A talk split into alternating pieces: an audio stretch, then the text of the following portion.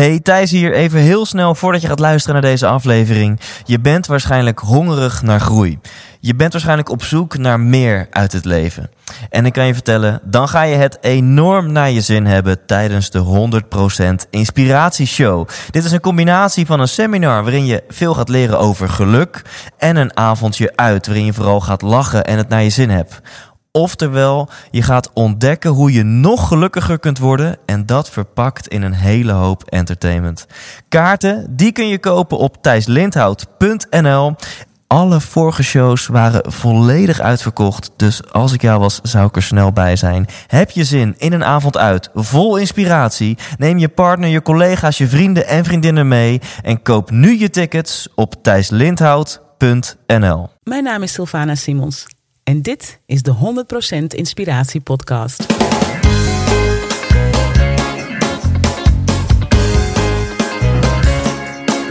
Hey, wat goed dat je luistert. Hij staat weer voor je klaar. Je wekelijkse dosis inspiratie is weer daar. De allerleukste gasten geven al hun kennis prijs. Met je veel te blije host, hij praat je bij. Zijn naam is Thijs. Thijs,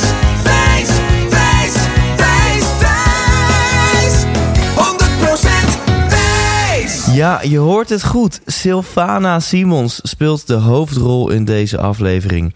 Ik heb een openhartig gesprek met haar gehad. Ehm, ze heeft zich kwetsbaar opgesteld. Ze heeft intense dingen verteld over wie zij is en waar zij voor staat in het leven. En ik kan je wel zeggen, ik heb een aantal keer echt met een brok in mijn keel heb ik zitten luisteren. En we gaan het lekker niet hebben over politiek. In de eerste eh, zin, omdat ja, dan zou ik gewoon voor lul staan, want daar weet ik niet zo heel veel vanaf. Maar nog veel belangrijker, omdat dat niet het onderwerp van deze podcast is. En ik denk dat dat extra leuk is. En Sylvana gaf ook aan dat dit een van de leukere interviews is geweest die ze afgelopen tijd heeft gehad. Ik denk dat het extra leuk is om haar even te leren kennen als mens. Wie is Sylvana Simons? En mocht je haar nog niet kennen, mocht je nog niet weten, hè, voor deze politieke beslissingen waar zij bekend van is. Nou, zij is in eerste instantie is zij een succesvol danseres geworden. Zij is doorgebroken als danseres. Daarna is zij haar tv-carrière begonnen bij TMF.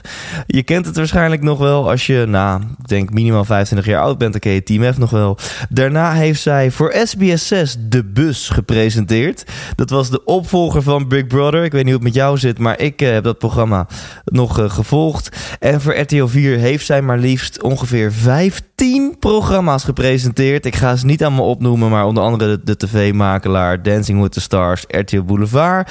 Zij heeft uh, een aantal dingen ook op de radio gedaan, een eigen radioprogramma gehad. Ze heeft voor veel bladen columns geschreven, onder andere voor de Playboy en voor Veronica Magazine. Tussen neus en lippen door heeft ze nog even twee boeken geschreven. Het ene boek 1 plus 1 is 7, dat gaat over haar drukke gezinsleven. En nog een boek in balans en dat gaat over een gezonde levensstijl voor vrouwen. Um, zij houdt zich ook bezig met het ontwerpen van kleding. Ze is high performance coach, oprichter van The House of Power. En zij geeft eendaagse masterclasses, met name voor vrouwen, om in je kracht te leven. Om dicht bij jezelf te staan en het meeste uit jou en het leven te halen. En dat doet zij uh, onder de, de, naam Sylvana presenteert. En daar wil ik meteen ook alvast wat promotie over maken. Sylvana presenteert. Check die website en um, luister nu het interview. En ik denk ik denk dat je dan ook best wel enthousiast gaat zijn om naar sylvanapresenteert.nl te gaan en je in te gaan schrijven voor één van haar eendaagse masterclasses. En tot slot, Sylvana gaat uiteraard ook on the spot en zij gaat die bizarre vraag van Herman in een bakje geitenkwark beantwoorden. Dat is iets met een balzak en een anus. Als je wil weten wat die vraag precies is, luister dan even de vorige aflevering. Maar ga er nu voor zitten. Wat een eer. Sylvana Simons, wat een vrouw. Geniet. 100% Thijs! Ja, voor, uh, voor de luisteraars, ik zit hier naast Sylvana Simons. En uh, sowieso Sylvana, dank je ook. Ik vind het een grote eer dat ik, uh, dat ik jou mag gaan interviewen. En um, ja, ik begin met een uiterst belangrijke vraag. En dat is, wat wil jij worden als je later groot bent? Ik wou dat ik al wist wat ik wilde worden als ik later groot ben. Het ligt uh, nog steeds helemaal open. Het is een vraag die ik mezelf heel vaak stel. Overigens, ik uh, begin gelijk met antwoord geven, maar ik wil jou ook bedanken voor de uitnodiging. You're welcome. Ja, uh, ik, ik, kijk uit naar hoe dit gesprek gaat lopen. Ik denk echt heel vaak ook hardop, nou, wat wil ik eigenlijk worden als ik later groot ben? Ik weet het nog steeds niet en ik hoop dat ik er ook nooit achter kom. Je hoopt dat je er nooit achter komt? Zolang ik nog niet weet wat ik later wil worden, ligt alles nog open. Ehm, mag ik nog uh, veel verschillende avonturen aangaan? En um, ik denk dat die vraag automatisch triggert um, op een manier die, die, die ruimte houdt voor avontuur, voor het onbekende. En voor mij zou het wel eens beperkend kunnen werken als ik wist wat ik later wilde worden. Het grappige is wel dat ik toen ik heel jong was, precies wist wat ik later wilde worden. En dat ben ik ook geworden. En dat was? Toen ik heel klein was, wilde ik graag uh, twee dingen worden. Ik wilde danseres worden en ik wilde moeder worden. Dat waren mijn twee toekomstdromen. En die had ik allebei op vrij jonge leeftijd al waargemaakt. Dus sindsdien leef ik in de vrijheid van... Uh, ik heb toch al bereikt wat ik uh, als kind graag wilde bereiken. Dus ja, de rest staat gewoon allemaal nog open. En om er maar meteen een soort van filosofisch te worden... is het dan misschien is misschien het doel van het leven helemaal niet om erachter te komen wat je wil worden. Is juist misschien die zoektocht. Is dat misschien het leven? Dat is wel mijn overtuiging. Ik denk dat de zoektocht en het openstaan. Kijk, zodra dingen in een vaste vorm gegoten zijn, ja, that's it. Hè? Um, niet, het niet weten is de, het beste startpunt voor van alles op het moment dat je iets weet, ben je klaar. Is het, ben je beperkt, dan, dan houdt het op. Uh, in een argument, als, uh, als het een gelijk heeft, dan is het argument afgelopen. Uh, in een goed debat blijf je bezig met nieuwe inzichten op tafel gooien en ontdekken en uitzoeken en hey, twijfelen. Dus voor mij is twijfel en het niet weten het beste uitgangspunt voor groei. Ja, tof. Ik, ik mijn hersenen lopen echt op volle toeren nu van wow, oké. Nou, het is, het is natuurlijk wel iets heel anders dan dat wij leren op school. Ja. En dat wij leren in de maatschappij. En uh, wij worden best wel, denk ik, met z'n allen in de westerse samenleving gevoed met um, waarheden uh, die wel eens totale tegenovergestelde uh, zouden kunnen zijn. Hè? Dus wij leren uh, dat zeker weten goed is. Terwijl ik denk dat twijfel goed is. Twijfel is goed. En Um, als mensen dan jou niet zouden kennen, dan zouden ze misschien denken: oh, dus je, je, je, doet maar wat. Dat is zeker niet het geval. Volgens mij heb je echt wel een missie en weet je heel goed wat jouw doelen zijn en waar je naartoe wil. Heb je echt heel duidelijke richting. Dus uh, zo dadelijk wil ik een beetje, um, nou, jouw levensverhaal in, om het maar ja. zo te zeggen. Maar voor nu, wat zijn op dit moment jouw, jouw doelen? Wat is op dit moment jouw missie en jouw dromen in het leven? Ik denk dat het heel erg belangrijk is voor iedereen om uh, zijn of haar missie voor zichzelf duidelijk uh, te verwoorden. En er is een verschil tussen een missie en een plan. Een plan, uh, dat is leuk, dat is handig, dat is een mooi houvast. Maar een plan is ook ja, niet meer dan dat. Het is, het is een voornemen. Een missie is een intentie. Een missie is uh, je eigen checkpoint een missie vormgeven, woorden, uh, woorden geven aan je missie, betekent dat je jezelf op elk moment kunt checken. Leef ik nog naar mijn waarheid? Leef ik nog naar uh, uh, mijn intentie? En plannen maken, dat weten we allemaal. Je kunt plannen maken voor een fantastische vakantie, maar um, we weten ook dat, dat er zijn zoveel variabelen die je zelf niet in de hand hebt. ondanks je plannen kan zo'n vakantie toch heel, helemaal in het water vallen. Mm -hmm. Als je een missie hebt, dan kan er eigenlijk weinig misgaan. Dan is het alleen maar elke keer kijken naar hoe kan ik deze omstandigheid laten werken voor mijn missie. Dus dan is een tegenslag of een teleurstelling oprecht een uitdaging en niet alleen maar een teleurstelling. Mijn missie die heb ik een aantal jaren geleden voor mezelf uh, uh, woorden gegeven. En mijn missie is om voornamelijk vrouwen, maar mensen in het algemeen te helpen nou ja, ik het anders zeggen, te herinneren aan hun innerlijke kracht. Uh, dat is mijn persoonlijke missie. En omdat ik dat zo zeker weet, maakt dat dat elk gesprek dat ik met iemand voer, elke uh, uh, opdracht die ik aanneem, elke, ja, eigenlijk in alles wat ik doe, kan ik dat toetsen aan mijn missie. En ik ben tot die missie gekomen omdat, ik, uh, omdat daar vraag naar was. Omdat veel mensen aan mij vroegen: Jeetje, Sylvana, uh, hoe doe je dat? Hoe, uh, hoe bereik je je succes? Hoe houd je je hoofd erbij? Hoe veer je elke keer terug na een tegenslag? dat werd mij zo vaak gevraagd. Dat ik dacht, nou, dat moest ik maar eens vorm gaan geven, zodat ik het door kan geven.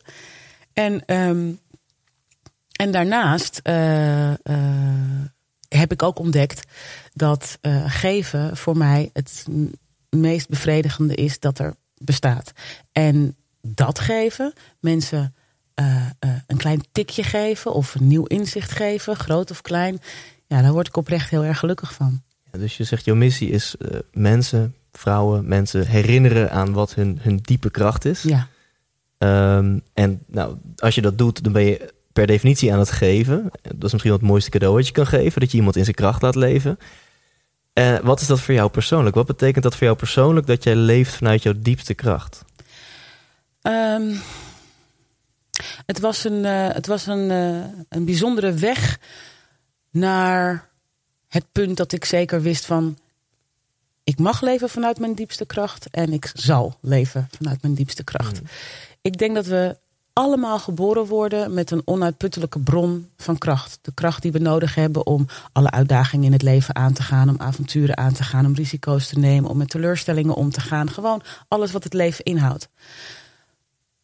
Het is echter wel zo, daar ben ik ook van overtuigd, dat de maatschappij zoals wij die hebben vormgegeven, dan heb ik het natuurlijk met name even over de westerse maatschappij, vraagt van ons om die kracht los te laten en te vergeten. Ons economische systeem is daarop gebouwd. Uh, commercie is daarop gebouwd. Uh, ons verzekeringssysteem is daarop gebouwd. Allerlei systemen zijn gebouwd op het idee dat uh, jij en ik niet krachtig mogen zijn. wij, wij dienen toch wel tot op zekere hoogte een beetje in angst en onzekerheid te leven. Vanuit angst en onzekerheid gaan we meer kopen. Mm -hmm. Vanuit angst en onzekerheid geven vrouwen heel veel geld uit aan make-up, aan, aan, aan cosmetische ingrepen, aan mode, aan kleding is op zich allemaal niet erg. Ik ben ook een ijdel meisje. Ik hou ook van mooie spullen.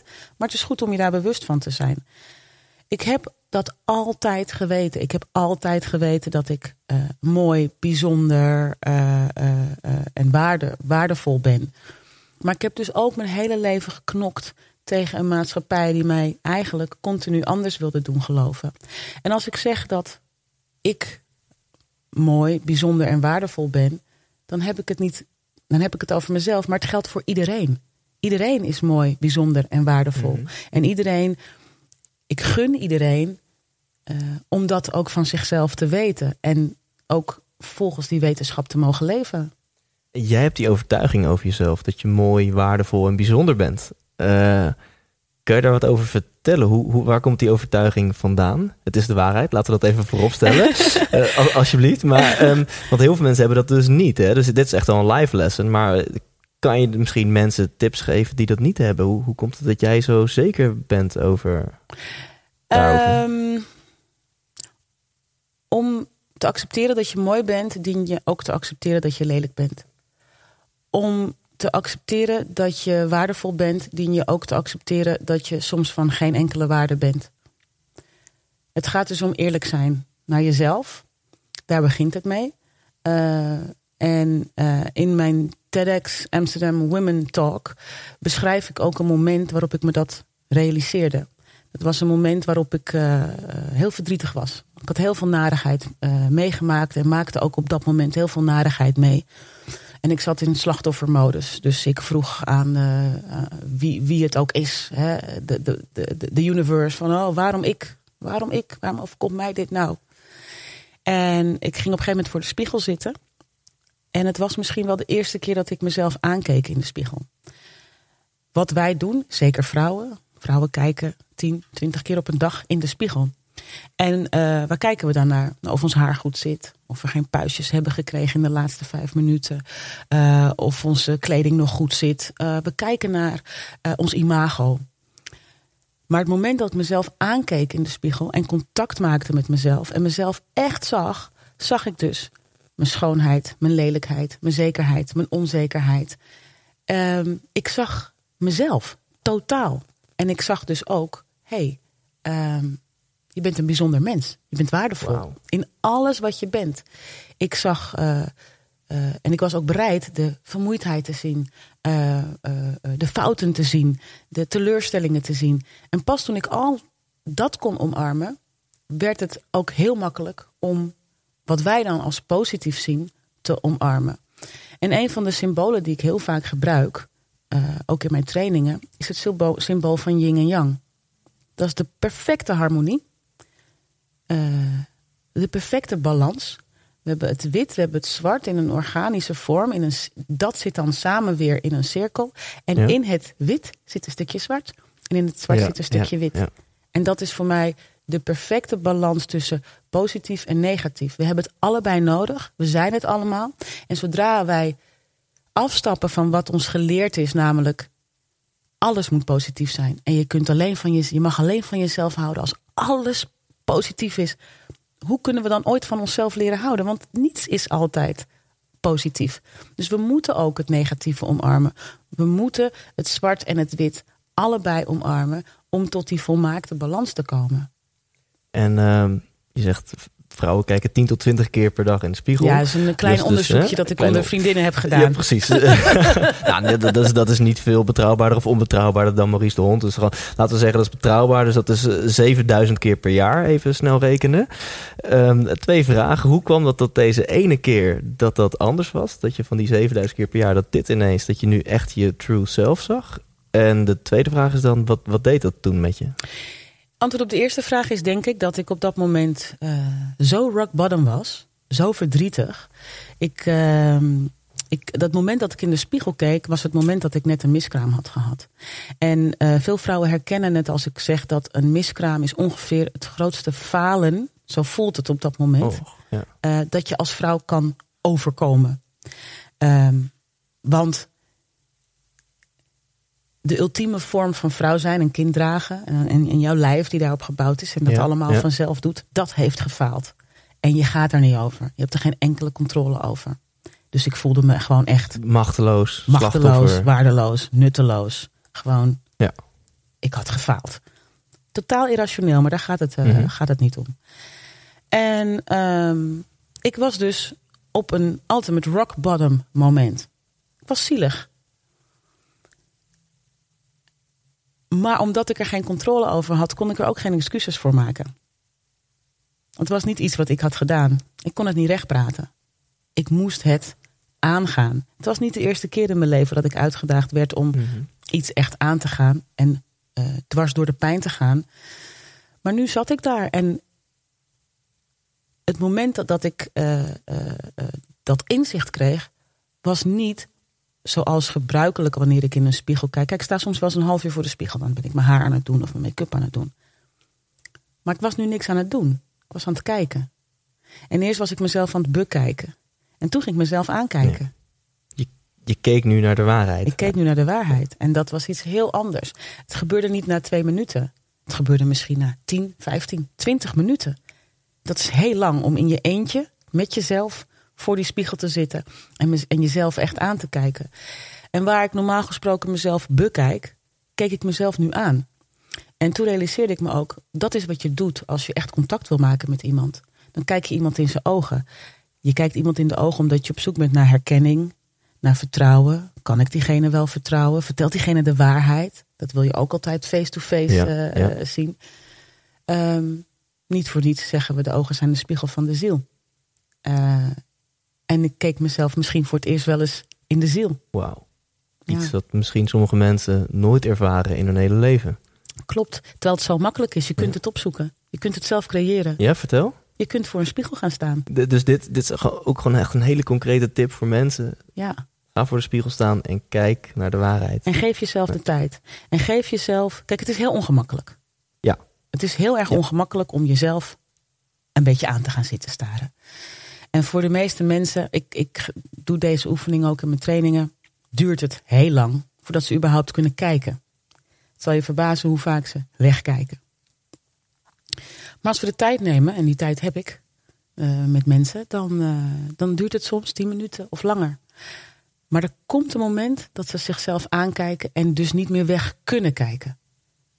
En without fail, Zonder uitzondering. En dat gold ook voor mij, want dat was je tweede vraag. Wat gebeurde er? Dat gold ook voor mij. Zonder uitzondering barsten ze in huilen uit. Ja, ja. Want dan is er geen escape meer. Dan is er gewoon alleen maar de waarheid. Dan is er alles wat niemand van je weet, maar wat jij van jezelf weet. En waar je niet meer voor, van eh, kunt weglopen. Ja. Je ziet het als je jezelf aankijkt. Eh, ik, ik geef ook vaak eh, gradaties. Ik zeg eh, vaak van, hè, doe dat gewoon de eerste keer voor je make-up spiegel. Die is vaak op hoofdhoogte. Ja, ja. Ga dan eens voor Ja. een passpiegel staan. En probeer het ook eens eh, naakt als je durft. Ik krijg gewoon de rillingen, gewoon in positieve zin. Gewoon, weet je wel, dat, als je het zo vertelt. Dus het is heel intens en ik voel echt ook jouw ervaring van toen misschien wel. Dus dat, ja, Het is, eh, het is een van de mooiste dingen die mij is overkomen. En het is ook het fijne is dat het een tool is die je heel makkelijk eh, met jezelf kan toepassen. Ik, ik doe dat nog steeds regelmatig. En ik merk ook soms, eh, als ik het lang niet gedaan heb, dan denk ik, oh Sil, you need some Je- je moet truth. je moet echt even in de spiegel kijken. you need some truth. Dat is wel mooi. Face the truth. The truth will set you free. Absoluut, Dat zegt altijd. mijn held Tony Robbins altijd. Ehm, je noemt wat dingen over in mijn training en eh, jouw missie dat je hè, mensen met een diepe kracht eh, wil herinneren, eh, connectie wil laten maken. Daar wil ik zo meteen nog wat over verder praten. Maar laten we even kijken naar jouw levensloop. Want Oh, je zei jee. al, ik had twee dromen. Je wilde moeder worden en je wilde danseres worden. Ja. Nou, die heb je alle twee gerealiseerd. Ehm, je bent daarna, ik heb wel, wel wat research gedaan. Ik heb allemaal opgeschreven, want het was echt te veel om Het te onthouden. veel, weet je ja. Volgens mij voor het grote publiek ben je eh, begonnen bij, bij TMF en daarna SBS 6. En daarna bij RTL 4 heb je 15 programma's gepresenteerd. Maar ik ga nu alweer heel snel.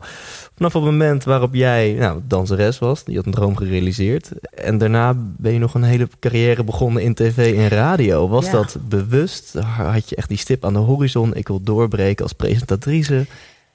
Vertel daar eens wat over. Nou, het mooie is, eh, zoals ik al zei, ik had op vrij jonge leeftijd, ik was 21 toen ik mijn eerste kind kreeg. En ik was 24 toen ik bij TMF ging werken. En voordat ik bij TMF ging werken, had ik al een mooie danscarrière eh, opgebouwd.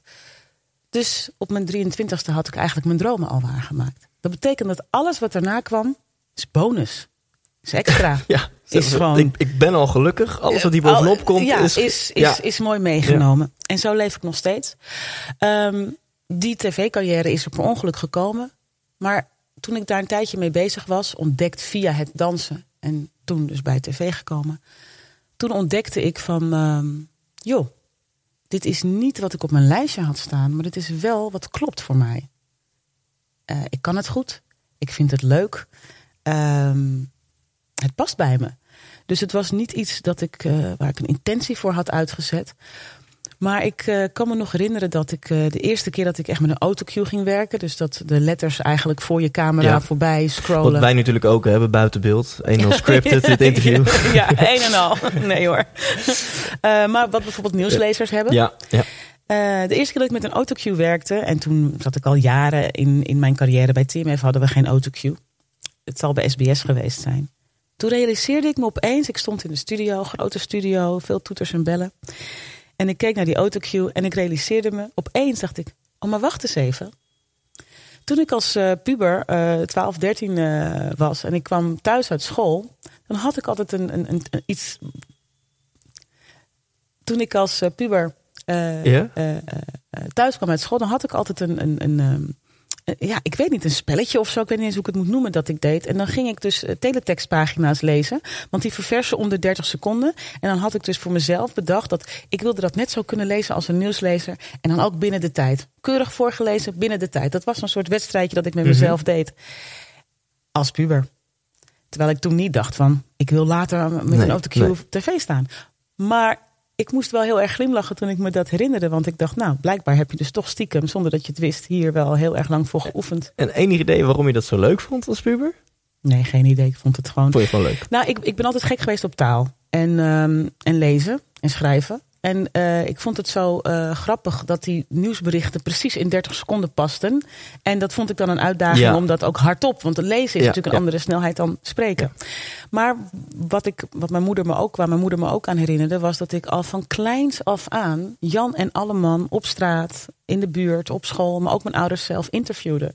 Dat ik de hele dag achter mijn Ah. moeder aanliep en zei: eh, Waarom? Hoezo? Ja, Eh, dus blijkbaar heeft het er wel altijd in beetje gezeten. journalistje, Silsana, Ja, eh, ja. onderzoekertje. Ja, ja, het heeft er wel leuk. altijd in gezeten. En je was dus, wat zei je, 21 toen je, toen je danseres was? Toen ik mijn eerste kind eerste kreeg, kind. En, ook, en je danseres, dat heb je bereikt op hoog niveau. Dus daar zit al een bepaalde drive in jou. Want die wereld is keihard en heel veel mensen vallen af. En ook op keiharde manier. Jij hebt daar wel succes in bereikt. Ja. Dus daar zat al een bepaalde drive in jou. Hoe, hoe heb je op zo'n jonge leeftijd al die droom verwezenlijkt? Hoe heb jij in die harde wereld wel? Nou, ik, ik, ik zeg vaak dat wat mij. eh, de mazzel die ik heb gehad, is dat ik vrij onbewust leefde. Toen ik jong was. Eh, ik werd niet gehinderd door eh, drive. Ja, ik had het gewoon, ik deed het gewoon. Ik Ja, dacht er niet over het na. is gewoon Het was er. wie was, wie je bent. En Ja. ik heb altijd mijn hart gevolgd en ehm, ook wel kansen gegrepen en kansen gekregen. Maar ik denk dat mijn grootste eh, eh, succes altijd is geweest. Dat juist omdat ik zo onbewust was, ik dus authentiek was. Ik gewoon mezelf was. Waardoor andere mensen iets zagen waar ik misschien zelf nog niet eens bewust van was. Ik was gewoon mezelf. En andere mensen zagen dan van, hé, hey, dat is bijzonder. Of hé, hey, dat is krachtig. Of eh, dat is eh, eh, whatever. En zij gaven mij dus steeds kans op kans. En die kans heb ik ook gegrepen. Maar de kansen, die worden toch gecreëerd door de mensen die jou aannemen. En de mensen die in jou investeren. En daar heb ik er gelukkig heel veel van gehad. Ehm, maar ik was, toen ik jong was, niet bezig met mezelf bewijzen. Ook niet bezig met mezelf neerhalen. Ik was gewoon bezig met het leven leven Heel dat ik van- onbezonnen. Heel onbezonnen. Ja. Absoluut heel onbezonnen. En ik denk dat dat zeker in die fase van mijn leven heel goed was. Ja. Want je kan geremd worden door al die gedachten. Van doe ik het wel goed? En eh, de, Ja, eh, ambitie kan ook heel verlammend werken. Ja. En eh, net wat ik zeg, een plan en een, en een heel specifiek doel. Eh, het gaat ook Ja. daar weer om de balans. ik zal en moet dit realiseren. dan zeg verlam je jezelf, eh, tenminste dan kun je jezelf verlammen. Ja. als je daar heel star aan vasthoudt wel. Dus stel jij moet drie dingen opnoemen die, die ten grondslag liggen aan jouw succes als danseres. Laten we daarvoor beginnen. De- welke drie dingen zouden dat dan zijn? Het begint met passie. Een passie voor dans. Eh, er was een tijd in mijn leven dat ik ervan overtuigd was. Ik, nogmaals, ik dacht er niet eens over na. Maar dansen was voor mij als ademhalen. Het moest en het zou. En het gebeurde de hele dag. Dus er was, het was passie, absoluut. Ehm na passie zou ik misschien willen zeggen. Bravoure. Niet gehinderd door wat andere mensen van me vonden. Bravoure. Bravoure gaat nog verder dan moed. Ja. Eh, ik ben zelf gek op moed en op moedige mensen. Maar bravoure in het dansen eh, heb je dat nodig. Ja. Je kunt niet bescheiden op een podium gaan staan. Dan Nee. is er voor niemand iets aan om naar jou je te moet, kijken. Je moet daar zijn. Je moet je willen uitsloven. Je moet je willen laten zien. Je moet willen dat. eh, eh, kijk, het gevecht is altijd met jezelf in de dans. Dus jij moet willen dat dat been nog hoger gaat dan gisteren. Jij Ja. moet willen dat Ja. de performance nog beter is dan een week geleden. Dus dat is bravoure. Bravoure is eigenlijk een net woord voor scheid hebben aan alles Ja. en iedereen. Ehm, Dan ga ik hem zo in het blog zetten. Ja. Scheid hebben. ja, dus één passie, twee bravoure. Bravoure. Ja, Ehm, ja, ik, ik, hè, daar, en in bravoure zit ook moed. Ehm, ja, ik moet even nadenken. Wat, passie, bravoure. En, want we hebben het even specifiek over dansen. En ik denk dat eh, onderdeel van het succes ook echt is doorzettingsvermogen. Eh, want je moet ook door kunnen als het niet leuk is. Als het pijn doet. ja, Als je een stom pakje aan moet. ja. Als je een stomme, stom kostuum hebt. Als je, achter, als je achterin wordt gepositioneerd terwijl je vindt dat je front row Ja. zou moeten dansen. Ehm, je moet gewoon eh, eh, ook doorzetten op de momenten dat het niet leuk is. En dan kunnen we misschien vier en vijf toevoegen die je ook al zelf hebt genoemd. Authenticiteit en drive. In ieder geval die heb ik dan genoemd. En dat Ja, heeft natuurlijk mee Absoluut. te maken. Ja. ja. En wat ik heel mooi vind, jij zegt, toen had ik mijn dromen al gerealiseerd. Dus alles wat daarna nog zou komen was een soort van cherry on the cake. En dat zeg je heel logisch, alsof dat de, de meest voor de hand liggende betekenis was in die situatie. Maar dat is niet zo. Dat zegt iets over jou. Want misschien ken je het, ik heb het er ook kort met André Kuipers over gehad. Het is een, ik noem het maar het astronautensyndroom. Het is heel bekend dat astronauten, als ze terugkeren op aarde, dan hebben ze zoiets gaafs bereikt. Ze hebben een droom bereikt waar ze vaak decennia lang aan hebben gewerkt. Heel veel astronauten worden depressief en gaan zelfs aan de alcohol en aan de drugs nadat ze terugkomen. Logisch, hè? En jij hebt een high bereikt en jij gaat niet aan de alcohol en drugs. Jij denkt van wauw, mijn leven is nu al zo goed, het kan alleen nog maar beter worden. Ja, uh, ik kan me dat zo goed voorstellen van die astronauten. Want ik bedoel, if the sky is the limit, dan, ja, dan ja, blijft er echt niets over. Um, maar ik denk dat dat een, een, een hele algemene, veel voorkomende uitdaging is. Uh, we willen iets, en, en het is ook wat, wat, wat ten grondslag ligt aan uh, een van de grootste uh, ziektes van dit moment, consumentisme. We willen iets, we krijgen het. Oh, nou, de, de high is ja, of snel over of die valt wel mee. Eén avondje vieren, zuipen of je geluk voelen. En... Ja, en dan on to the next high. Ja, um, ja, het heeft denk ik te maken met dankbaarheid. Ik denk dat dankbaarheid uh, uh, ik, ik, las ooit een hele mooie spreuk en die zei: Don't cry because, it, because it's over, but smile because it happened. Yeah. En ik denk als je zo kunt leven, dat je dan uh, heel veel hebt om over te lachen. Uh, en dan uit gaat kijken naar: hé, hey, wat is het volgende mooie dat ik mag meemaken? En kijk, ik ben niet iemand die pretendeert dat ik 24 uur per dag, 7 in de, dagen in de week high, gelukkig, happy, positief en liefdevol ben. Nee, ik heb net al gezegd, ik omarm ook de donkere momenten in mijn leven. En ik omarm ook de momenten. Ik sta mezelf ook toe om op momenten helemaal niet leuk en vrolijk en blij te zijn. Um, maar ik ben wel altijd dankbaar. En uh, trouwens, dat mag ik helemaal niet zeggen. Ik ben niet altijd dankbaar. Ik ben vaak dankbaar. Ja. Uh, we doen niets altijd. Ja. Um, maar het uh, bewustzijn van de zegeningen en voor mij is altijd bijvoorbeeld heel belangrijk geweest uh, self-control. Niet, niet zozeer als uh, self-control in de zin van... oh, ik mag maar twee biertjes, ik drink niet eens bier. Maar, mm -hmm. maar meer in de zin van... ik wist bijvoorbeeld dat... zolang mijn knieën in orde zijn, kan ik dansen. Dus ja, ik heb dat nu bereikt. Ik ben danseres. Ik ga nu iets anders doen. Als het niet leuk is, ga ik gewoon weer, ga ik gewoon weer dansen. Ja. De flexibiliteit. Ik, ik, het gaat om ehm, ja, ik denk toch niet angstig zijn. Ja, je, je zegt, eh, eerst noemde je dankbaarheid en dat je jezelf blessed en gezegend ook voelt. En daarna, dat vond ik heel mooi, zei je dat je jezelf ook soms toelaat om dat gewoon niet te zijn. Om boos te zijn, om kwaad te zijn, om gefrustreerd te zijn. En ik denk dat dat heel goed is, want don't bullshit yourself. Precies. Laat het gevoelens te zijn.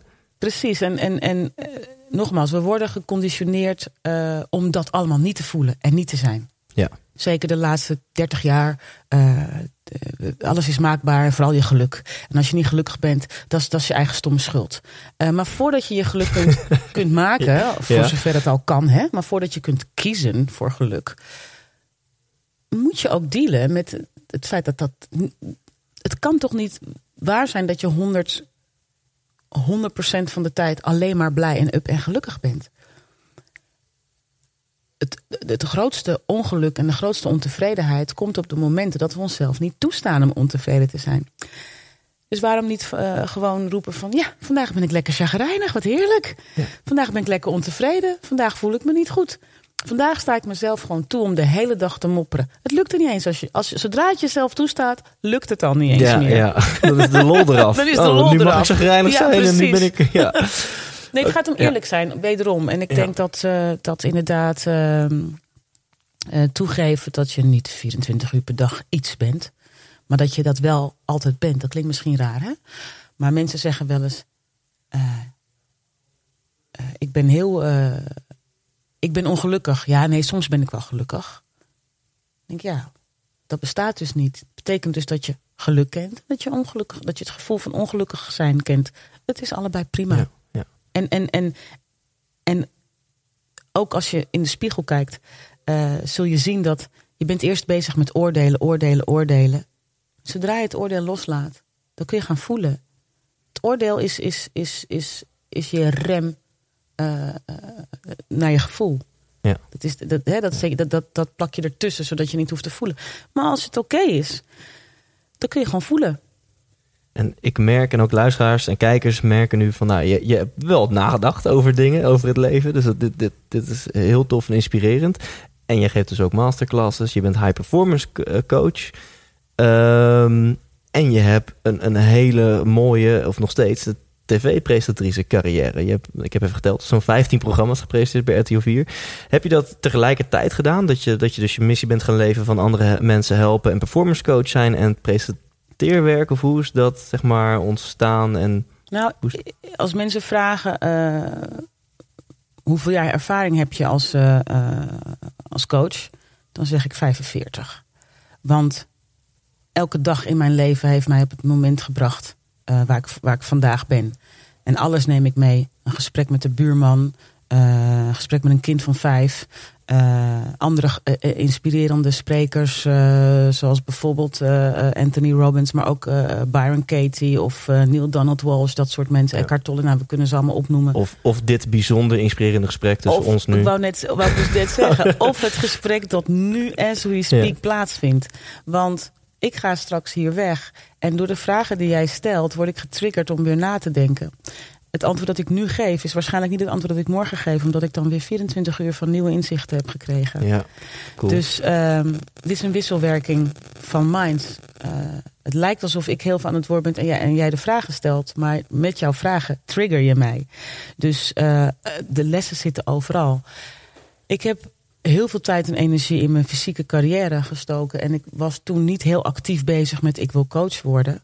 Maar die, die, die fase van mijn leven heeft me wel geholpen om, om tot inzichten te komen. En al, alle ervaringen in mijn persoonlijke leven hebben me daarbij geholpen. Eh, verdrietige ervaringen, mooie ervaringen. Ehm, maar echt mijn missie omschreven en het inzicht dat dat verstandig zou kunnen zijn. Dat is eigenlijk eh, eh, begonnen. Even goed nadenken. Ik denk ergens in 2006 of 2007. En dat is een proces. Dat proces is nog steeds gaande. Ik, ik schrijf het ook heel vaak opnieuw.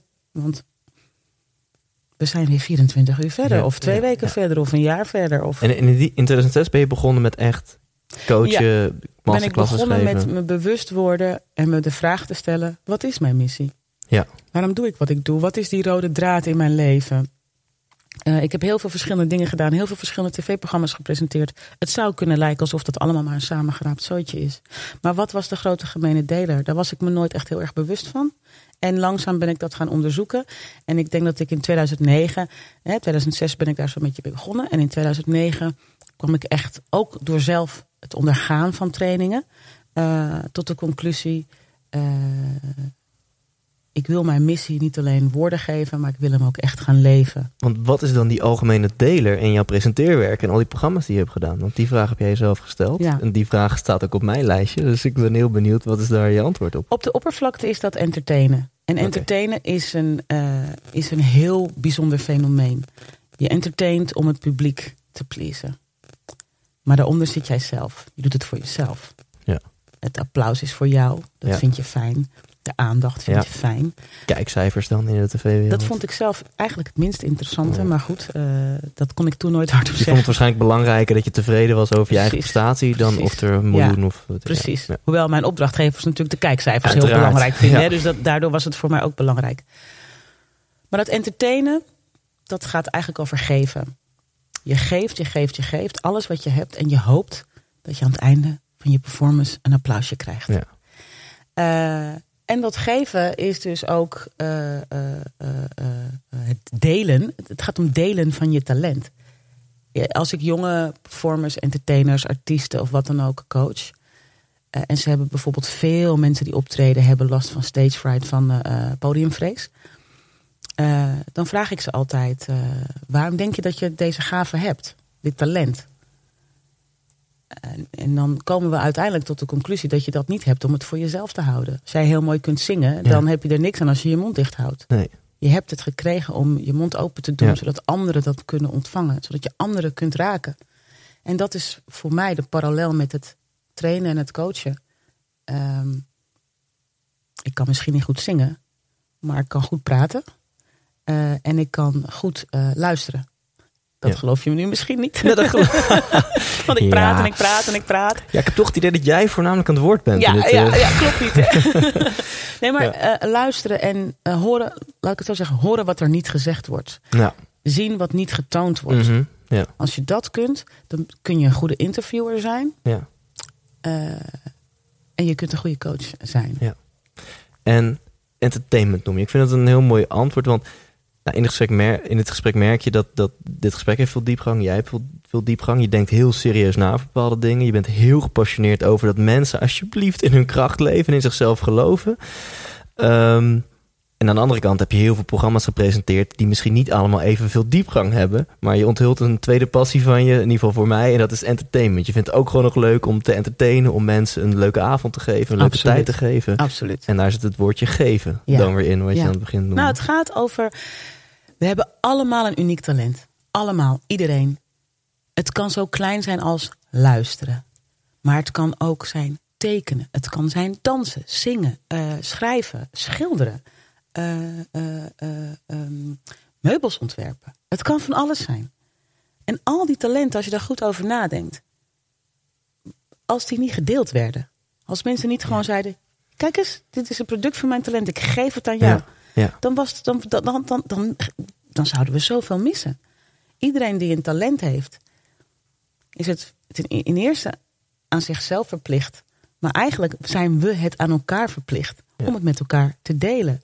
En eh, toen ik eh, eh, begon eh, bij commerciële televisie, was commerciële televisie nog niet zo oud in Nederland. En werd er heel laatdunkend gedaan over entertainment. Maar ik vind het bijna van ja, onschatbare waarde. Dat ik weet dat als mensen thuiskomen na een dag hard werken. Dat er iemand Ja. is die zegt. En nu mag je ontspannen. Ik Ja. geef jou gewoon iets. Ja. Daarom vinden we Idols leuk. Daarom vinden we The Voice leuk. Daarom vinden we het leuk om daarnaar te kijken. Daar is niets mis mee. En het is onze eigen verantwoordelijkheid. Als we het willen. Om ook die andere kant te prikkelen. En gewoon informatie tot ons te nemen. Maar het allerbelangrijkste is natuurlijk dat we leven. Dat we gewoon doen. ja, tof. Ik had een hele intelligente vraag, maar die, die is net Oh, weggeglipt. die komt zo terug. Intelligente vragen komen Oké, altijd oké, terug. awesome. Ehm, ja, dan even, want het is, het is echt veel te leuk Ja. en veel te inspirerend dit gesprek. Maar eh, we, hebben, we, zijn, eh, nou, we hebben nog eventjes om een paar toffe vragen te stellen. Dan nu naar de, naar de masterclasses die jij geeft. Dat is zeg maar eh, ehm, eh, iets waar ik graag met je over wil Ja. hebben. Ehm, daar wil je allereerst daar wat over vertellen? Want sommige mensen denken nu, oké, masterclasses, dat woord is een paar keer voorbij gekomen. Coach is een paar keer voorbij Ja. gekomen. Wat, wat, wat doe jij precies? Ik, ik help vrouwen, met name vrouwen, te herinneren aan eh, hun innerlijke bron van, van, van onuitput, hun onuitputtelijke bron van kracht. Eh, ja, dat staat allemaal in het verlengde van eigenlijk alles waar wij het tot nu toe al over gehad hebben. Het feit dat ik het iedereen, maar met name vrouwen, gun om eh, zich dat weer te herinneren. Als je geboren wordt, dan ben je eh, clueless. En over bravoure gesproken. Ja. Kinderen hebben zoveel bravoure. Die doen dingen waarvan je denkt: nee, niet op die stoel gaan staan. Dat is doodeng. En they don't care, ze doen het gewoon. En als ze vallen, denken ze: hmm, misschien moet ik dat volgende keer niet meer doen. Dus kinderen zijn fearless. Eh, en we worden allemaal fearless geboren. En dan hebben we onze ouders die ons liefdevol van jongs af aan volstoppen met angst. Dat doen ze met de beste bedoelingen. Dat heb ik ook bij mijn kinderen gedaan. Met de beste bedoelingen. Zei ik, oh, pas op, kijk uit, niet doen, voorzichtig. En heel- dan ging ik elke keer regeltjes. En dat hoort niet en dit moet zo. En dat is eigenlijk heel erg jammer. En omdat dat stelselmatig gebeurt eh, vanuit liefde en goede zorg. Op school, thuis, eh, in de hele maatschappij. Tegen de tijd dat we volwassen zijn, twijfelen we over alles. Vinden we alles eng. En eh, hebben we het gevoel dat we het nooit goed doen. Ben je een thuisblijfmoeder, dan twijfel je over of je toch niet echt een economische bijdrage moet leveren Ja, aan de samenleving. En als je werkt, denk je, oh jee, ik ben een slechte moeder, want ik ben er tussen de middag niet voor de kinderen. Ja. Je doet het nooit goed. En ik wil juist eh, dat iedereen begrijpt dat je het altijd goed doet. Altijd. En dat als je twee minuten later denkt, nou, ik wil het toch anders doen, dan mag dat. Dus een van mijn eh, tips is ook, eh, geef jezelf toestemming. We groeien op met het idee dat we toestemming moeten vragen aan de meester of we mogen plassen. eh, aan onze baas of we even eh, een kwartiertje eh het pand uit mogen. Ja. Overal toestemming voor vragen. We vragen ook onbewust toestemming aan de wereld om ons heen. Ja. Door de manier waarop we ons kleden. Vragen we toestemming. Ben ik hip? Ben ik, ben ik, ben ik mooi? Ja, ben ik, hè? ben continu bezig bevestiging te vragen. En ik zeg, geef jezelf die bevestiging. Jij bent de baas. Ja. Vergeef jezelf, complimenteer jezelf. En praat lief over jezelf. Want jij bent de eerste die hoort wat je zegt. Je bent ook de enige die echt luistert. Want de rest van ons gaan Ja. daarna weer verder met ons eigen leven. Ja. Wij zijn allemaal egoïsten. Ja. En dat geeft niet dat we allemaal egoïsten zijn. Maar ehm, we hebben heel snel de neiging om te denken... Hey, je loopt een ruimte binnen, dat herkennen heel veel mensen. Je loopt een ruimte binnen en eh, iemand, eh, zijn blik gaat langs jou... en je denkt, "Ah, die denkt zeker zus of zo. Nou, 9 van de 10 keer denkt diegene helemaal niet zus of zo over jou. Die is met Mhm. zichzelf Ja. bezig. Dus alles wat je van een ander nodig denkt te hebben... eh, zit al in jezelf. Alles Ja. zit al in jezelf. Ik vind het mooi wat je, wat je eerder zei over dat kinderen, hè, dat die heel erg, dat die fearless zijn. En, en mijn goede, eh nou, mijn goede vriend en held Remco Klaas heeft er ook een theorie over. Dat inderdaad, nou, er komt een bepaalde leeftijd waarop ineens, eh, je hebt als kind extreme pieken van, van zowel eh, huilen en krijsen en pijn en auw. Maar ook gewoon enthousiasme en dingen doen en lol en euforie. En na een tijdje worden die beide worden ze een beetje ingeperkt. Hè? Van hey, als je super verdrietig bent, ga maar niet met je hoofd op de grond bonken. Doe dat maar niet. En als tante Truus komt en je bent heel blij, ga maar niet in de gordijnen hangen. En dat wordt dan, dan kom je op school en dan mag nog minder en dan nog minder. En dan heb je misschien nog even je studententijd onder begeleiding van wat drugs, waarin het weer alle kanten op gaat. En daarna dan begin je bij je baan in een kantoorpand voor een baas. En dan moet je bepaalde kleding, Ja. Bepaalde regels, gedrag. En dan word je heel plat. Ja, En dan leef je in zo'n grijs gebied waarbij je eigenlijk niet meer mens mag zijn. juist. Ik weet eigenlijk niet waarom ik dit vertel. Maar goed, daar moest ik aan denken. Ja, nou ja, En- dat is wel een beetje waar het op neerkomt. En ehm, daar is ook een reden voor. Dat is hoe het systeem het beste functioneert. Maar dat is niet hoe wij het beste functioneren. Nee. Sterker nog, ons hele biologische eh, eh, eh, systeem is helemaal nooit gebouwd op werken van 9 tot 5 en om 7 uur een wekker en om 11 uur verplicht naar bed. Ik ga, ik, ik- dat, ik, ja, ik, ik, ik, heb me daar altijd, ik heb me daar altijd tegen verzet. Ja. Altijd. Hey, volgens mij heb jij mega veel waarde te bieden. En ik ken best wat vrouwen in mijn omgeving die ik, die ik echt zou willen adviseren. Ga naar die masterclass van. Savannah. Dus dit is een platformpje om wat promotie te doen. Waar kunnen we wat informatie vinden daarover? Ehm, op eh sylvanapresenteert.nl kun je Ja. informatie vinden. Daar kun je ook een, eh, een eh, formulier invullen om eh, eh, informatie op te vragen. Dan kun je een e-mailtje sturen. En eh, daar communiceren we de data van de masterclasses. En waar ik zelf veel trots op ben, is dat ehm, een dame die de masterclass had gedaan, stuurde mij daags daarop een mailtje en zei: Het is alsof ik naar een dagje spa voor mijn ziel ben geweest. En dat vond ik zo mooi. Dat vond ik zo mooi. Want daar zit die moet al- op je website. Eigenlijk moet hij op Die mijn moet- website, ja. hè? Ja, spa, het is echt een dagje spa voor de ziel. En ehm, iedereen die mij kent weet, ik, eh, eh, ik, ik heb diepgang. Ik, hou, ik, hè, ik ben spiritueel mens, want we zijn allemaal spirituele mensen. Maar ik hou ook van eh, eh, eh, fijne buitenkant en, en, en de geneugten des levens. Dus het is ook nog eens een dag vol, ja, vol luxe verrassingen. Wat gaat er gebeuren dan op zo'n dag? Nou ja, Ja. je wordt verwend gewoon. Oké. Je wordt verwend. En je gaat, en ik garandeer je, 100% eh, satisfaction. Oké. Silvanapresenteert.nl Yes. En life will never be the same again. Ah, I think so. Oké, vet. Die, eh, die briljante vraag is er weer. Dat was, ja, dat is misschien een opmerking slash vraag. Je zei talenten, weet je wel, die, mogen, die moet je tonen. Het is zonde om je talenten voor jezelf te houden. En dan vind ik het jammer, en dat is misschien Nederland of zo, dat wij al heel snel als mensen hun talenten omarmen en dat, dat laten zien en daar trots op zijn, dan, dan noemen wij dat al heel, heel, heel snel narcisme. Dat merk ik zelf ook. Mijn theatershow heet dan ook de 100% Thijs Show. Dan denk ik mensen, Mhm. oh, 100% Thijs gaat zeker alleen maar om jou. 100% ego, weet je wel. Ja, maar Eh, er is een hoe- verschil tussen. Kijk, narcisme is, is, is een eh, term voor een serieuze stoornis eh, die je niet zomaar overal op mag plakken. Mm. Dus, en, dus en er bestaan. first of all, mensen gebruiken deze term uit de psychologie verkeerd. En- dat en- denk ik ja, wel. ja. Kijk, ik hoor ook heel vaak dat ik arrogant ben. Mensen hebben heel vaak zoiets van: wie denk jij dan wel niet dat je bent? Ik, vertel, ik, ik, ik, ik, ik omschreef laatst een, eh, eh, het goddelijke in mezelf. En ik zei: ja, ik ben een godin. Maar goed, jij bent ook een god.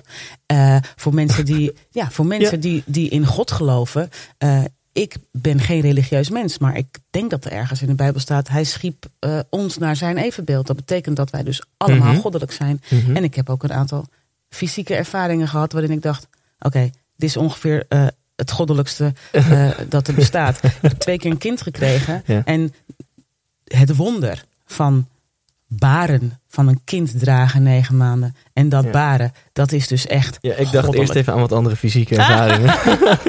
oké. Daar komen zo nog wat vragen ja, over. doe maar, doe maar. Nee, maar dat was voor mij echt een goddelijke ervaring. Ja. Ik bedoel, het leven eh, dragen en geven.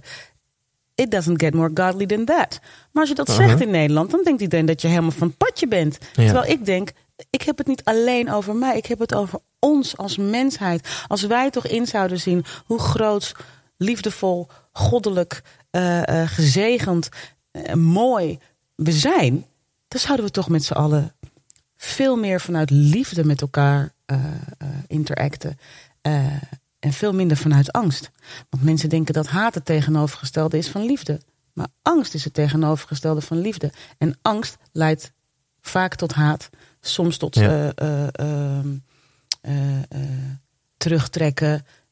Hè, het kan tot veel dingen leiden. Maar angst is de onderliggende emotie. Mooi. Wat is het beste advies dat jij ooit hebt gekregen? Durf.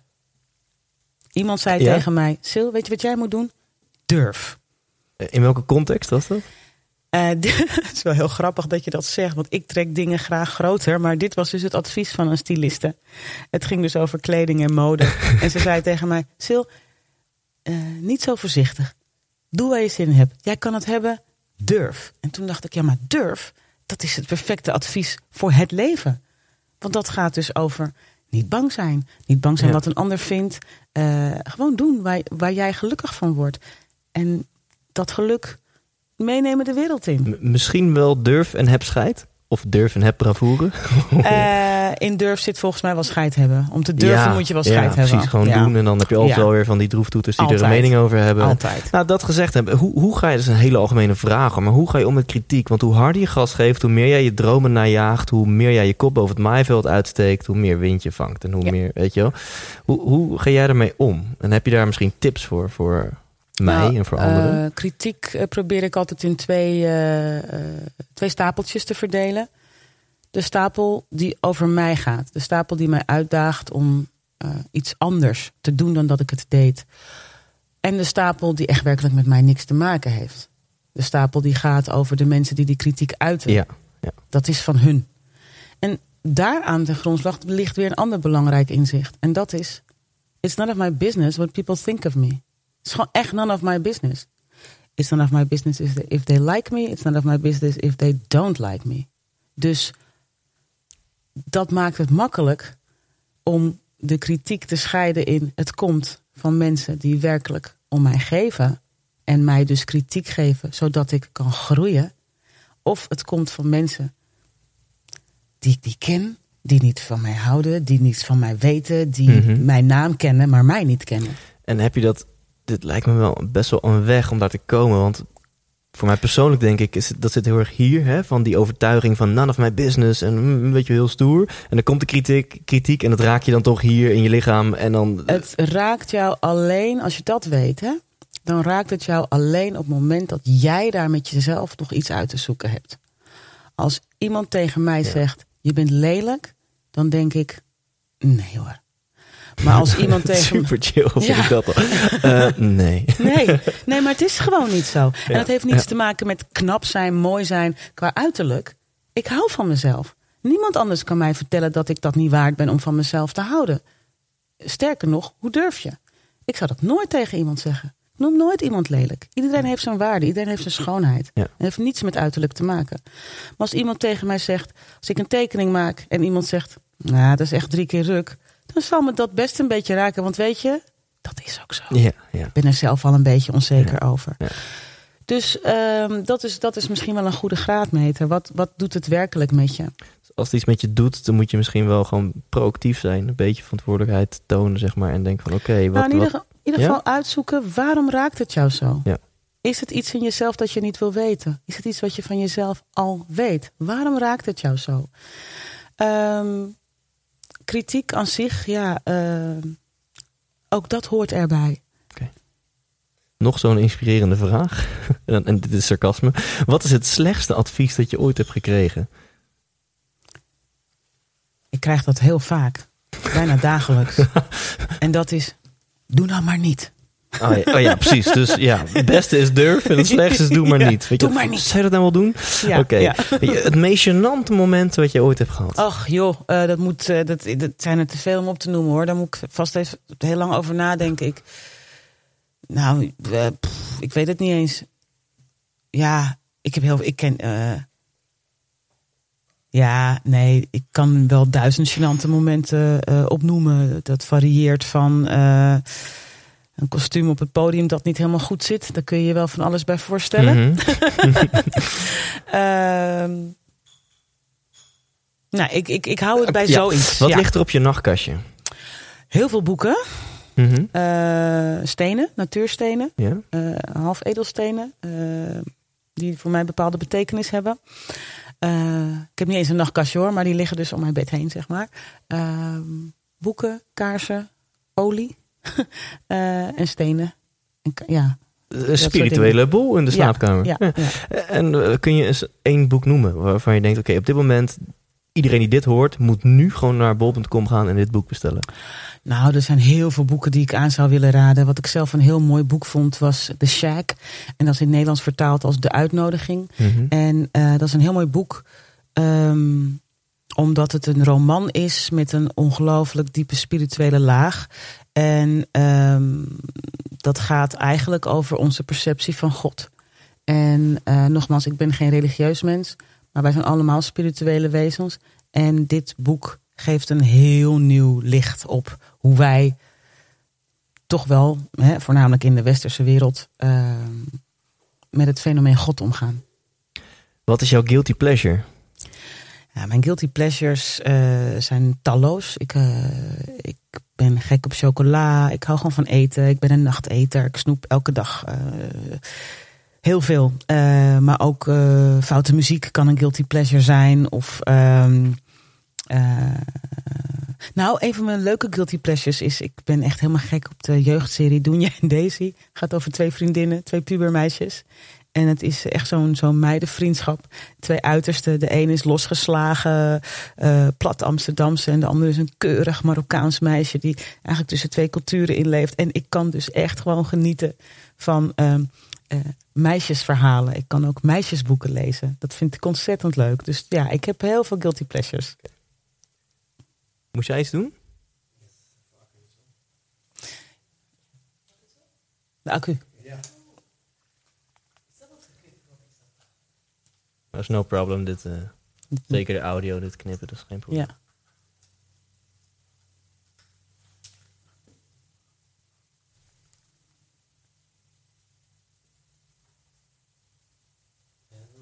Awesome. Ehm, nog één open vraag en daarna eh, een aantal eh, ja, irritante tegenstellingen waar je antwoord op mag geven. Ja. Maar eerst nog een, eh, al zeg ik het zelf, een leuke open vraag. Deze man schop ik niet uit mijn bed. Hmm. Ah, wie schop ik nou echt niet uit mijn bed? Ehm, ik zou Idris Elba nooit uit mijn bed schoppen. Ehm, nee, ik zou hem nooit. Wie, wie is dat? Idris Elba is eh, een eh, Britse acteur. eh, die tegenwoordig ook groot is in Hollywood. En ehm, hij is wat wij noemen tall, dark en very handsome. Ik, ik voel gewoon op bijna... Die, Je die, voelt dat eh, hij, ja, dat hij ja, mag blijven. Ja, ja, precies. ik zal er verder geen woorden over. Oké, vast in je seatbelts. Komt-ie. Ochtend of nacht? Nacht. Bestuurder of passagier? Bestuurder. Groene smoothie of Engels ontbijt? Engels ontbijt. Kamperen of all-inclusive? Dat zijn wel twee. eh kies uit twee kwaden. Eh, all Allebei niet, Juist, zeggen. all inclusive dan maar. Ehm, klassieke muziek of death metal? Klassieke muziek. Nooit meer seks of nooit meer muziek? Wow. Nooit meer seks. Serieus? Dat denk ik wel. Ik, op- ik, ik neem Ja, aan dat je ja? bedoelt seks met een ander. Ja, dus jij als Ja, masturberen dan- nog mag, dan zeg jij dan nooit zeg meer seks. nooit ja, oké. Hutje op de hei? Ja, we hebben het diepgaande gehad van dit nee, ja, interview. dus, precies. eh, Nee, maar dit, is ook, dit, Ja. dit, zijn de echt, dit zijn de echte levensvragen. Ja, eigenlijk wel, precies. Hutje op de hei of herenhuis aan de gracht? Oeh, wacht even. Hutje op de hei. Een wilde tijger of een Russische dwerghamster? Een wilde tijger. Malediven of IJsland? Malediven. Thuis koken of uit eten? Uit eten. Waarom heb je daar zoveel moeite mee? Wat is dat? Nou, omdat ik, omdat ik eerlijk moest zijn. en ik dat eigenlijk aan mezelf niet wil toegeven. Nog steeds niet dat ik gewoon. Ik kook. Ik kan dus heel lekker koken. Maar ik kook niet heel graag. Tenzij het is voor. Of heel veel mensen of mezelf alleen. Dus nou ja, goed. Dat is een, dat is een lang verhaal. Maar in ieder geval uit eten. Basic fit of personal trainer? Personal trainer. Maandagochtend yoga of vrijdagmiddag borrel? Maandagochtend yoga. Risico's nemen of op veilig spelen? Risico's. Ja, die had ik overwacht. Ja.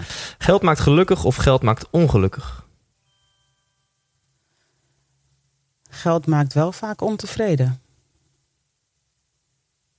Dus ehm, dit is de enige waarvan ik moet zeggen, echt geen van beide. Oké. Of allebei, hoe je het eh, wil zien. Richard Branson of Steve Jobs? Steve Jobs. Justin Timberlake of Justin Bieber? Timberlake. Die zou ook mogen blijven slapen ik trouwens. denk dat je gast nummer 20 bent die ik interview en iedereen heeft Justin Timberlake gezegd. Ja, maar weet je wat zo leuk is? Eh, Justin Bieber is eh, ontzettend eh, eh, getalenteerd. Maar ten eerste is het een jongetje. Kijk, ik ben een volwassen vrouw, dus ik, Mhm. het is een jongetje, het is een Mhm. kind. Maar, Ja. maar Justin heeft iets ehm, wat, wat vroeger wel echt de X-Factor werd genoemd. Hij heeft, hij heeft, Mhm. hij heeft, Ja. hij, hij heeft het gewoon. Dus om, om op die eerdere vraag in te gaan, Bieber die zou je wel je bed uittrappen, Ja, maar, maar Timberlake De- mag blijven liggen. Absoluut. Kijk, Bieber is ook against the... Tenminste, ik weet niet hoe oud hij nu is. Maar het voelt alsof dat against the law zou zijn. En, eh, en, en bij Justin denk ik, dan hoef ik niet alles uit te leggen. Nee, nee, nee nou, ik denk dat je je vriendin een beetje jaloers zou maken. Maar misschien zelfs wat van je vrienden ook. Ja. Eh, genieten van, ehm, oh, eerst nog een andere. Focus op de toekomst of focus op het hier en nu? Hier en nu. Genieten van de weg er naartoe of genieten van het eindresultaat? Altijd de weg er naartoe. Het eindresultaat is het enige wat je gewoon nooit zeker weet. Ik heb een vraag eh, aan jou, voor jou, van de gasten van Herman in een bakje geitenkwark. Dat Dus- zijn hele... eh, eh, die hebben vast een bijzondere vraag ja, je, je, je moet ze ook echt een keer zien. Ze doen. Eh, ze zitten nu in de reprise van hun show. Die, die gaat in de komende, ehm, in het komende theaterseizoen gaan ze weer spelen. Het is echt lachen om hen een keer te zien. Maar en een beetje ze- absurdistisch theater dus. Ja. Oké. Ja. En ehm, nou, ik zei net al, het interview heeft het diepgaande gedeelte gehad. Dus nu hun vragen die... ehm, nou, fuck it, ik laat hem gewoon, ik pak hem erbij. Oké, Sylvana, de vraag. Eh, je moet kiezen, ja? Wat zou je liever hebben? Of een heel klein balzakje aan je voorhoofd vast, waardoor iedereen dus ziet dat je een heel klein balzakje aan je voorhoofd hebt. En je mag het niet operatief laten verwijderen, want er zit een soort ader doorheen, waardoor je sowieso doodgaat als je wordt weggehaald. Of ehm, je, eh, je neus zit niet eh, op je gezicht, maar vlak boven je anus. Waardoor je altijd wel dingen kan ruiken, maar het eerste wat je ruikt is je eigen anus. En eh, nou goed, je moet zelf maar... de- En als je dus bijvoorbeeld iets chills even wil ruiken, dan Ja. moet je het dus wel altijd bij je adem dan moet je het bij je anus houden. Ja. Bijvoorbeeld bosbloemen. Ja, maar je hebt wel en je neus, die er, zeg maar, je neus is weg aan- in je, in je hoofd, maar er zit wel een, er zit wel een, een, soort, het ziet er niet heel raar uit. Je hebt niet een soort gat daar zitten, wel een soort van. Het gaat niet om de cosmetische eigenschappen Nee. van je gezicht. Het Nee. gaat meer om de Dus het is meer gewoon van de... of het balzakje op je voorhoofd, of je neus en je ruikcapaciteit boven je anus. Balzakje op mijn voorhoofd dat ik niet operatief mag laten verwijderen. Of neus net boven mijn anus, terwijl er in mijn gezicht eigenlijk niks mis is. Dat Ja. is ongeveer het dilemma. Dankjewel heren. Ehm, ik, eh, ik, ik, heb, ik had geen verwachtingen, want ik probeer daar zo min mogelijk aan te doen. Maar ehm, dit had ik ook niet kunnen verwachten. nee, niet dat je denkt, ja, die vraag dacht ik al. Die vraag dacht ik al, nee. Nou, maar de keuze is eigenlijk veel minder moeilijk dan, eh, dan zij misschien verwachten. Want ik zou absoluut gaan voor eh, de neus boven mijn anus. Eh, ik denk dat ik dan meteen gevrijwaard zou zijn van al die ongewenste luchten die je overal, eh, die overal tegenkomt eh, de hele dag door. Hè? Daar heb je dan gewoon geen last van. Dan heb je tenminste één constante eh, zweem van lucht. En die is van jezelf. Mhm. En ik, ik, ik ben niet vies van mezelf. Dus ik denk dat ik daarvoor zou Ja, kiezen. en lang leven vochtig toiletpapier. Nou, met ik wou net zeggen, kamillesmaak, daarom, met je- je, kunt alle met- kanten daarmee op. En hoe leuk is het dat als je denkt van, oh wat een mooie bloemen, die wil ik echt even ruiken. Dat je dan even door je knieën hoeft te gaan, er even zo boven hangen en Ja, dus ik denk dat dat. Ik denk, dat, ik denk zelf dat het een hele geschikte plek is Ik voor heb een bijna neus. het idee dat je het zou, als het zou kunnen, dat je het zou ik denk ineens, maar eigenlijk is het een briljant idee. En ik zit sowieso niet op een balzakje te wachten. Dus eh, die sla ik gewoon over. Oké, nou, heel, heel goed antwoord. Ehm, Aartjan van Erkel ga ik volgende week interviewen. Hij is, eh, ja, dat heet dan conversie copywriter. En nu in mensentaal gewoon. Hij schrijft teksten waar, op websites voor bedrijven, waardoor mensen denken van, oh, nu wil ik mijn geld uitgeven in dit bedrijf. Dus eh, verleidelijke teksten online. Ehm, welke vraag wil jij aan hem stellen? Eh, ik zou aan Aartjan willen vragen. eh, teksten, ja, ik vind teksten, teksten schrijven vind ik fascinerend. Maar ik denk dat het leuk is om daar geen vragen over te stellen. Ehm, alhoewel, misschien is is het wel heel erg leuk. Voor de hand liggend, makkelijk, weet ik. Maar toch om aan hem te vragen de mooiste zin, twee, eh, tweeledig. De mooiste zin die hij ooit heeft geschreven en de mooiste zin die hij ooit heeft gelezen. Thanks. Mooi, ja, mooi geïmproviseerd. Of zo. vraag. Ja, of het- zo. Het is, Nou het is ja, heel makkelijk wel, eigenlijk voor de hand liggend. Ja. Maar ja. Tot slot, heb je nog, voor de luisteraars, voor de kijkers, heb je nog een laatste tip, advies, wijze woorden van Sylvana? Ehm, algemene wijze woorden.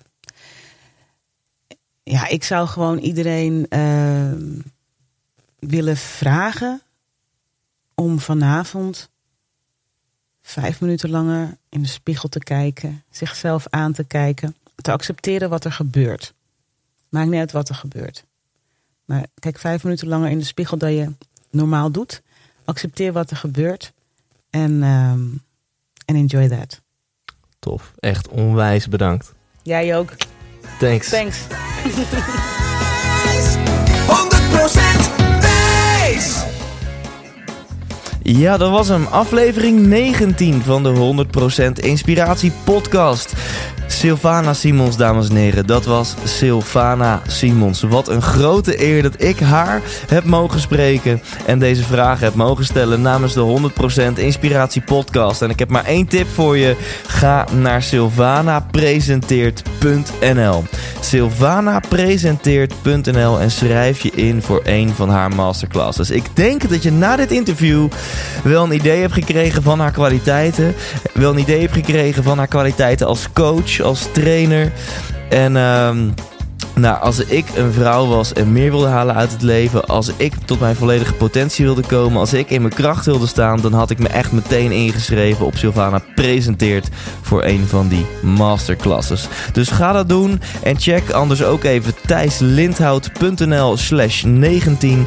thijslindhout.nl slash 19, dat is het getal 19. En daar vind je het een en ander uitgewerkt over eh, eh, over dit gesprek, over dit interview. En like ook eventjes de 100% Thijs Lindhout Facebookpagina. Want er is heel veel backstage materiaal gefilmd en geschoten tijdens dit interview. Het hele interview is ook opgenomen.